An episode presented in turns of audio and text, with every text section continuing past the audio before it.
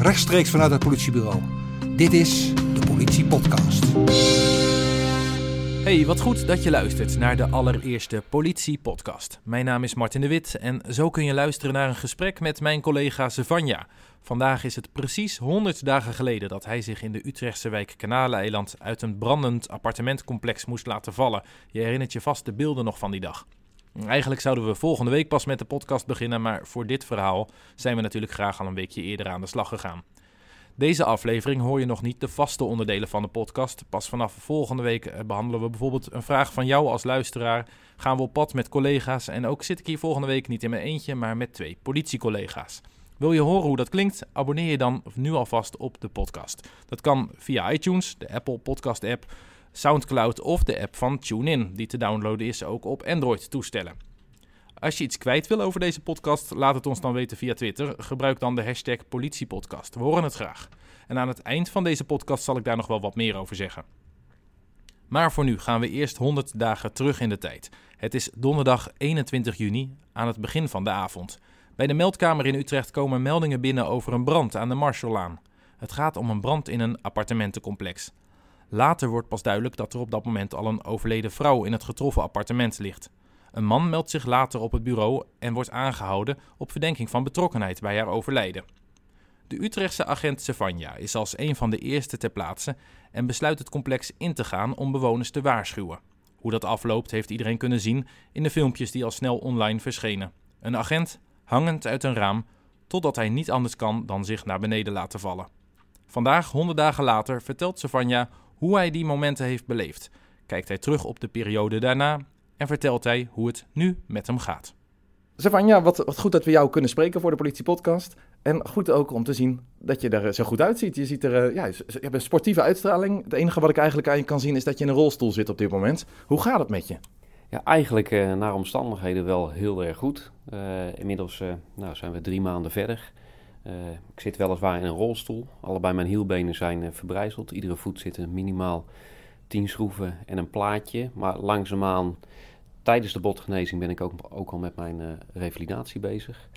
En nou, ik verwacht binnen redelijk korte termijn ook gewoon weer met de krukken in ieder geval aan de slag te gaan. Ja, want we zijn op dit moment bij politiebureau Marco Polo Laan.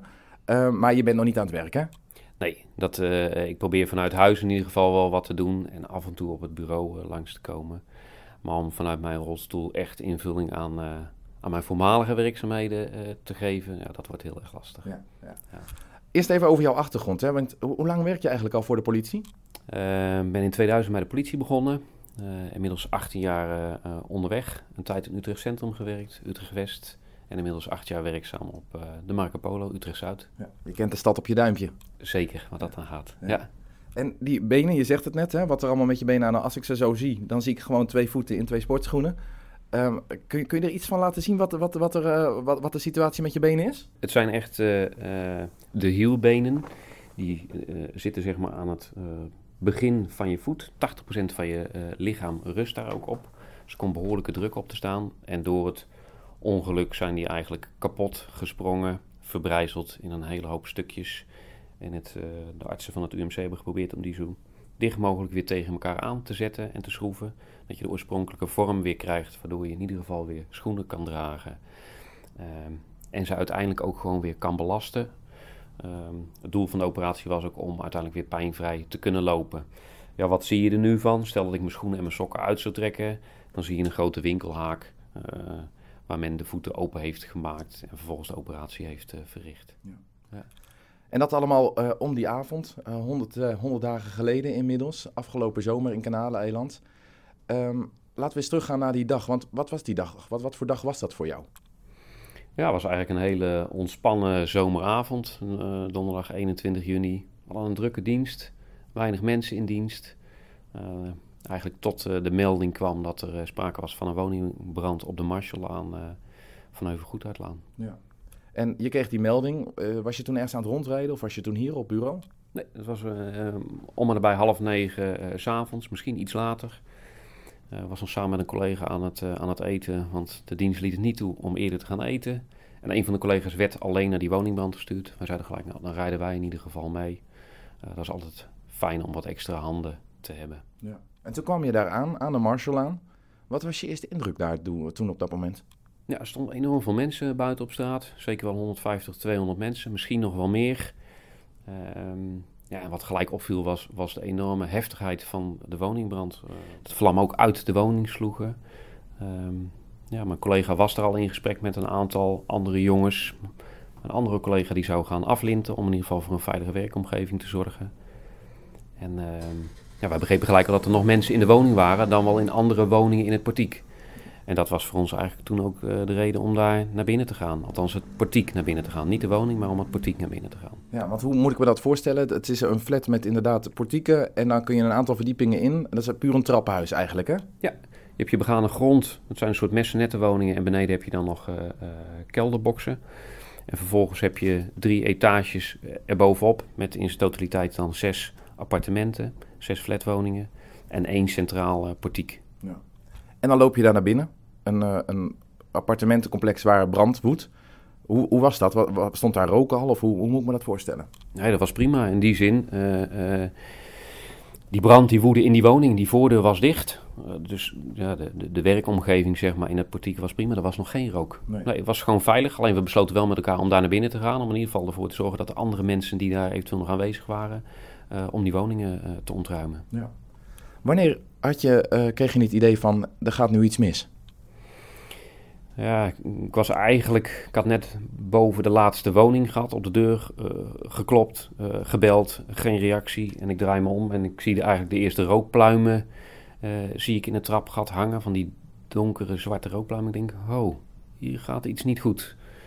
En daarom ben ik terug naar beneden gerend, tot het plateau van ongeveer anderhalf. Dus je in het trappenhuis, zeg maar aan de voorzijde. En ik kijk zeg maar richting de eerste etage. En uh, toen zag ik een enorm grote zwarte rookkolom uit die woning komen. Ik hoorde het geluid van... Ja, voor mij voelde het toen wel van, nou, dit... Ja, nou heeft mijn laatste uur geslagen. Dit, dit was het leven, om het maar zo uh, te zeggen. En, uh, Want je kon er niet meer langs en je stond midden in de rook? Ik kon er niet meer langs. De rook kwam mijn kant op. Wist van, nou, er is nog maar één uitweg. Dat is in ieder geval terug naar boven. Uh, terug naar boven gerend. Ja, in een split second zag ik het raam. Ik denk, nou, die moet er in ieder geval uit, want ik heb frisse lucht nodig. Zometeen komt er ook. En ja, uh, als je blijft, dan stik je. Ja. ja. En die heb je toen ingeslagen? Ja, er stonden bloempotten in de vensterbank. Dus een van de bloempotten vastgepakt. De ruit eruit geduwd, getikt, geslagen. Nog wat glasscherven eruit gehaald en vervolgens naar buiten gekropen. Ja. Ja. En dan komen we bij dat moment eigenlijk die we die we allemaal kennen, want daar zijn filmpjes van, dat je daar dan aan zo'n raam hangt. Herinner je dat nog goed, dat je daar gewoon ja, bungelt eigenlijk uit zo'n raam? Ja, zeker. Ja, ik kan dat uh, prima terughalen. Um, ja, dat was een bijzonder moment in zoverre dat ik daar het liefst bleef zitten in afwachting van de brandweer. Of dat we op een andere manier daar een goede oplossing voor uh, konden bedenken. Alleen wat je merkt is, uh, ja, die rook die zou er vervolgens ook aankomen. Ik denk, ja, dit is ook gewoon geen veilige omgeving om langer te blijven. Uh, en vervolgens besloten om aan dat raamkozijn uh, te gaan hangen. Uh, mezelf in ieder geval zo lang mogelijk te maken en me te laten vallen op het dakje, zeg maar, voor het portiek van, van die flat. Het enige bijzondere was dat je daar hangt en dat je eigenlijk al weet dat je in ieder geval het een en ander gaat breken. Maar het belangrijkste vond ik in ieder geval dat ik mijn hoofd en mijn bovenlichaam heel zou houden. En dat je in ieder geval niet nog ernstige letsel op zou lopen als wat ik nu heb. Nee. Ja. En uiteindelijk laat je je dan vallen. Hè? Uh, heb je die beelden zelf gezien? Ja, zeker. Ik heb de beelden meerdere malen gezien. Um, ja, en op mijzelf heeft dat niet zoveel impact gehad. Uh, voor mij was dat alleen maar een bevestiging van hetgeen wat er, uh, wat er gebeurd is. Ja. ja. Want je ziet je dan neerkomen. En als je goed kijkt, dan zie je dat er daar ook direct al iets met je benen gebeurt wat, ja, wat niet, niet hoort, zeg maar. Je hebt direct daar een, een, een goede klap te pakken, zeg maar. Uh, voelde je dat ook onmiddellijk? Van ja. dit, dit, is echt stevig ja. mis? Ja, de, de impact van de klap zelf enerzijds, maar vervolgens ook het moment dat je denkt, je wil overeind komen, dat lukt dan ook wel, maar je merkt gelijk al van, nou, dit zit fout met mijn voeten. Ja, ja dat was niet goed.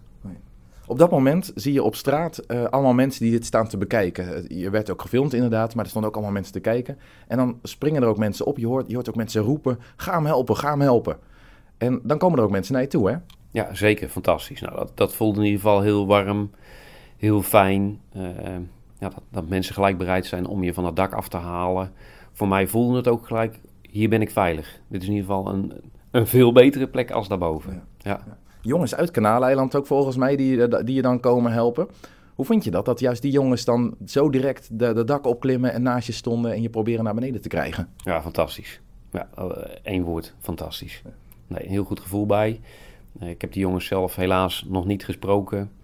Waarschijnlijk gaat dat wel de komende tijd nog ergens eh, eh, plaatsvinden. Maar ja, daar ben ik zo hartstikke dankbaar voor. Ja. Je komt dan er vanaf en ja, dan begint een heel, het hele medische verhaal eigenlijk voor jou. Hoe gaat die fase voor jou dan op dat moment? Wat, wat overkomt je dan? Ja, dat, dat, dat is eigenlijk wel heel erg lastig in die zin. eh, je hebt vooral heel veel pijn. Ik heb zelf ook gedacht dat mijn voeten er uiteindelijk af eh, zouden gaan, omdat die gewoon niet meer eh, te redden waren, zeg maar. En dan is het vervolgens heel erg fijn dat er een ambulance ter plaatse komt die in ieder geval pijnstilling geeft. En dat je vervolgens weet dat je richting het, het ziekenhuis gaat. Er speelde op dat moment ook een heel ander drama eigenlijk, die wel te maken had met die brand. Een, eh, een vrouw die overleden in een, in een woning lag. Heb je daar iets van meegekregen die avond? Of eh, is dat eigenlijk allemaal aan je voorbij gegaan? Nee, dat is allemaal aan mij voorbij gegaan. In die zin, ik ben in het ziekenhuis eh, eh, vervolgens onder narcose gebracht. En eigenlijk, pas 48 uur later eh, ehm, ja, is mij duidelijk geworden wat zich daar had afgespeeld. Ik was zelf ook heel erg benieuwd van, joh, ja, wat is daar nou precies gebeurd? En dan hoor je eigenlijk pas wat, wat voor drama zich er heeft afgespeeld. En dat daarbij eh, die dame om het leven is, eh, is gekomen. Verschrikkelijk. Ja. Ja, dus ehm, wel heel veel aan eh, de kinderen van die mevrouw gedacht, aan de familie, aan de vrienden van die dame. Eh, ja, net, net wat ik ook al zei, gewoon een enorm drama wat zich daar heeft afgespeeld. En verschrikkelijk. En ja, dan valt mijn situatie, ondanks dat dat natuurlijk op beeld is gebracht en dat spreekt het meest. Maar dat valt eigenlijk in het niet met het verdriet wat zich daar heeft afgespeeld. Ja. Ehm, jij hebt een hele fase van herstel achter de rug inmiddels. En daar zit je eigenlijk ook nog steeds middenin. Ehm, hoe, hoe is dat in het begin geweest? Want je, je zei net al, hè, eh, in het begin was het maar de vraag van... zijn mijn voeten nog te redden? Hoe, hoe moet ik me dat voorstellen? Was dat eerst een, een kwestie van operaties? Of hoe, hoe gaat zoiets? Ja, ik wil zeggen dat is een soort eh, fase van eh, be- bewustwording in, in die zin. ja, je bent toch afhankelijk van wat wordt je verteld in het ziekenhuis. Ehm, het heeft twee weken geduurd voordat ik geopereerd kon worden. Eh, het letsel aan mijn voeten was dusdanig dat er enorme zwelling was. Dus het was gewoon niet eerder mogelijk om de voeten te opereren. Eh, ja, uiteindelijk heb je dan daadwerkelijk de operatie. Dan is de vraag van, joh, hoe kom je uit de operatie? Hoe gaat je genezing? En eh, daarna ook de tijd met betrekking tot je botgenezing. Kan je het weer gaan belasten? Kan je weer gaan revalideren? En ik kan alleen maar zeggen in mijn geval dat eigenlijk alles heel eh, voortvarend gaat. Ondanks dat het een heel lang proces is van eh, zeker anderhalf jaar eh, revalidatie. Omdat het toch wel een eh, ja, complexe botletsel is, zeg maar. Ja. Maar je leven staat wel behoorlijk eh, op de kop, kan ik me voorstellen. Eh, mijn, eh, het leven ook van mijn vrouw en van mijn gezin, maar ook heel veel mensen daaromheen heeft behoorlijk op zijn kop eh, gestaan. Anderzijds enorm dankbaar om er nog te zijn. Eh, en ook wel heel erg dankbaar voor alle eh, berichtjes, eh, appjes, kaarten, brieven, tekeningen, waardebonnen, chocola, andere presentjes. Ja, enorm overladen door alle berichten en kaarten. Dat is onvoorstelbaar. Het was niet normaal hè, wat er allemaal Nee. gestuurd werd. Dat heeft me dagen gekost om daar doorheen te komen. Nee, dus enorm, enorm blij mee. Hoe vind je dat? Dat mensen, want het, kwam vanuit alle kanten. Ehm, Van collega's kan ik me voorstellen, maar ook van organisaties waar je als politie mee te maken hebt. Maar ook gewoon van mensen die dachten van, ja, ik wil deze man laten weten dat, dat we hem steunen. Hoe vind je dat dat er zo breed is meegeleefd met je? Nou, eh, eigenlijk in één woord wat ik net ook al zei, onvoorstelbaar. Heel erg warm. Ehm, en dat is ook wel een enorme steun geweest in mijn, eh, in mijn herstel en mijn revalidatie. Tot op de dag van vandaag, maar dat ga ik eh, de komende jaren ook zeker nog meenemen. Ja. ja. Het heeft een behoorlijke impact gehad allemaal. Als je nu terugdenkt hè, naar dat moment, en dat zul je vast vaak hebben gedaan. Zijn er dan dingen waarvan je nu denkt van, was ik die, dat portiek maar niet ingerend? Of had ik, had ik iets anders moeten doen? Of was dit gewoon de juiste keuze op dat moment? Mm, Ja, uit- uiteraard denk je daar wel regelmatig aan terug. Eh, gezamenlijk met elkaar als eh, gezin, maar ook met collega's natuurlijk veel over gehad. En ehm, ik wil bijna zeggen, het heeft zo moeten zijn. De dingen zijn gegaan zoals ze zijn gegaan. Eh, dat is geweest. Ja, en ik leef echt in het heden en de toekomst. En ook waar ik zelf weer naartoe wil. Ja. Ja, het heeft, ja, ik wou bijna zeggen, niet zo heel veel zin om daar vervolgens nog bij stil te staan hoe de dingen gegaan zijn. Alhoewel het natuurlijk altijd goed is om erover na te denken van joh, eh, wat je gedaan hebt. De toekomst noem je. Heb je daar al een, een beeld bij van, eh, want je zegt eh, waarschijnlijk kan ik wel weer pijnloos lopen in de toekomst. Betekent dat dat we je ook weer over straat zien lopen eh, in, de, in de toekomst hier in Utrecht? Op zeker. Ja, dat is absoluut mijn plan. Nou, de, de hele revalidatie duurt anderhalf jaar, dus dan heb je het over december 2019, dat het in ieder geval allemaal weer op orde zou moeten zijn. Nou, mijn streven ligt dat het toch al een stuk eerder eh, zal zijn. En dan hoop ik hier in ieder geval gewoon lopend de Marco Polo weer binnen te komen lopen, mijn uniform aan te doen en weer eh, onze wijk in te gaan. Ja, We wensen je heel veel sterkte, dankjewel. uitstekend, dankjewel. Collega Savanja was dat met zijn indrukwekkende verhalen over die avond afgelopen zomer aan de Marshalllaan in Utrecht. Wil je iets kwijt over zijn verhaal? Laat het ons dan weten via Twitter. Gebruik dan de hashtag politiepodcast. En je kan ons ook bereiken via Facebook. Onze pagina heet politie-nederland. Je kunt ons ook mailen. Het e-mailadres is podcast.midden-nederland.politie.nl En via deze kanalen kun je ons ook vragen stellen. Je hebt een kans dat we jouw vraag in de podcast van volgende week bespreken. Vergeet je ook niet te abonneren op de podcast, dan blijf je automatisch op de hoogte van alle ontwikkelingen. Nou, volgende week zijn we er weer met nieuwe verhalen vanuit de politie en dan ook een blik achter de schermen. En we vragen jullie dan ook om hulp bij lopende onderzoeken. Dat en nog veel meer, dus volgende week. Voor nu, bedankt voor het luisteren en tot volgende week.